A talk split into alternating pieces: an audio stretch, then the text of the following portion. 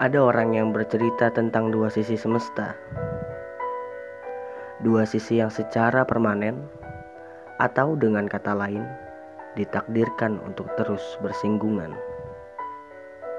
Dua sisi yang saling menawarkan kebenaran, menjamin kesucian untuk memperoleh kesempurnaan.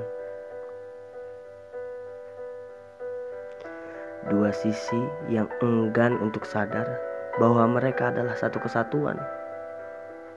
Dua sisi yang diperdaya oleh satu frase bungkus.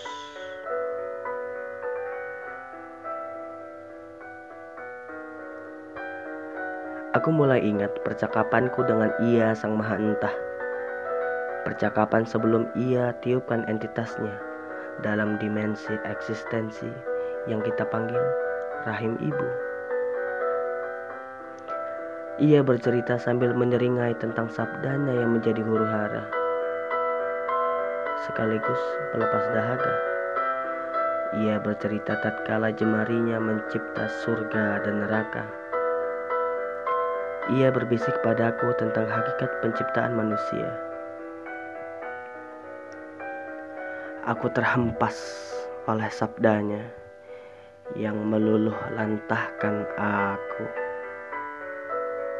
Sabdanya, Tertawalah engkau bersamaku yang bersamayam pada dirimu.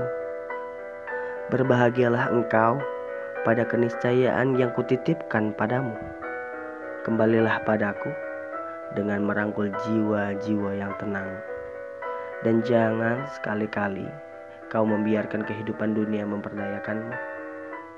Lantas siapa yang mampu menafikan keabsahan itu ya Rob? Aku tak akan berhenti menawar letihnya jiwa jika tulang rusukku masih termenung mencari akunya. Seperti waktu tanpa alfa dan omega. Tidak. Kami telah menerima asa dan duka hadir di setiap pintu labirinmu. Lalu apa lagi? Puan, mari enyahkan kedua sisi semesta. Mari penuhi panggilan sang yang widiwasa. Silahkan, peluk erat sukmaku, hadirkan aku pada hadirmu. Lalu dengar, langkah kita menghentak jagat raya, menyadarkan relung jiwa semesta bahwa kita kembali pada keesaan. Begitulah Tuhan untuk Puan.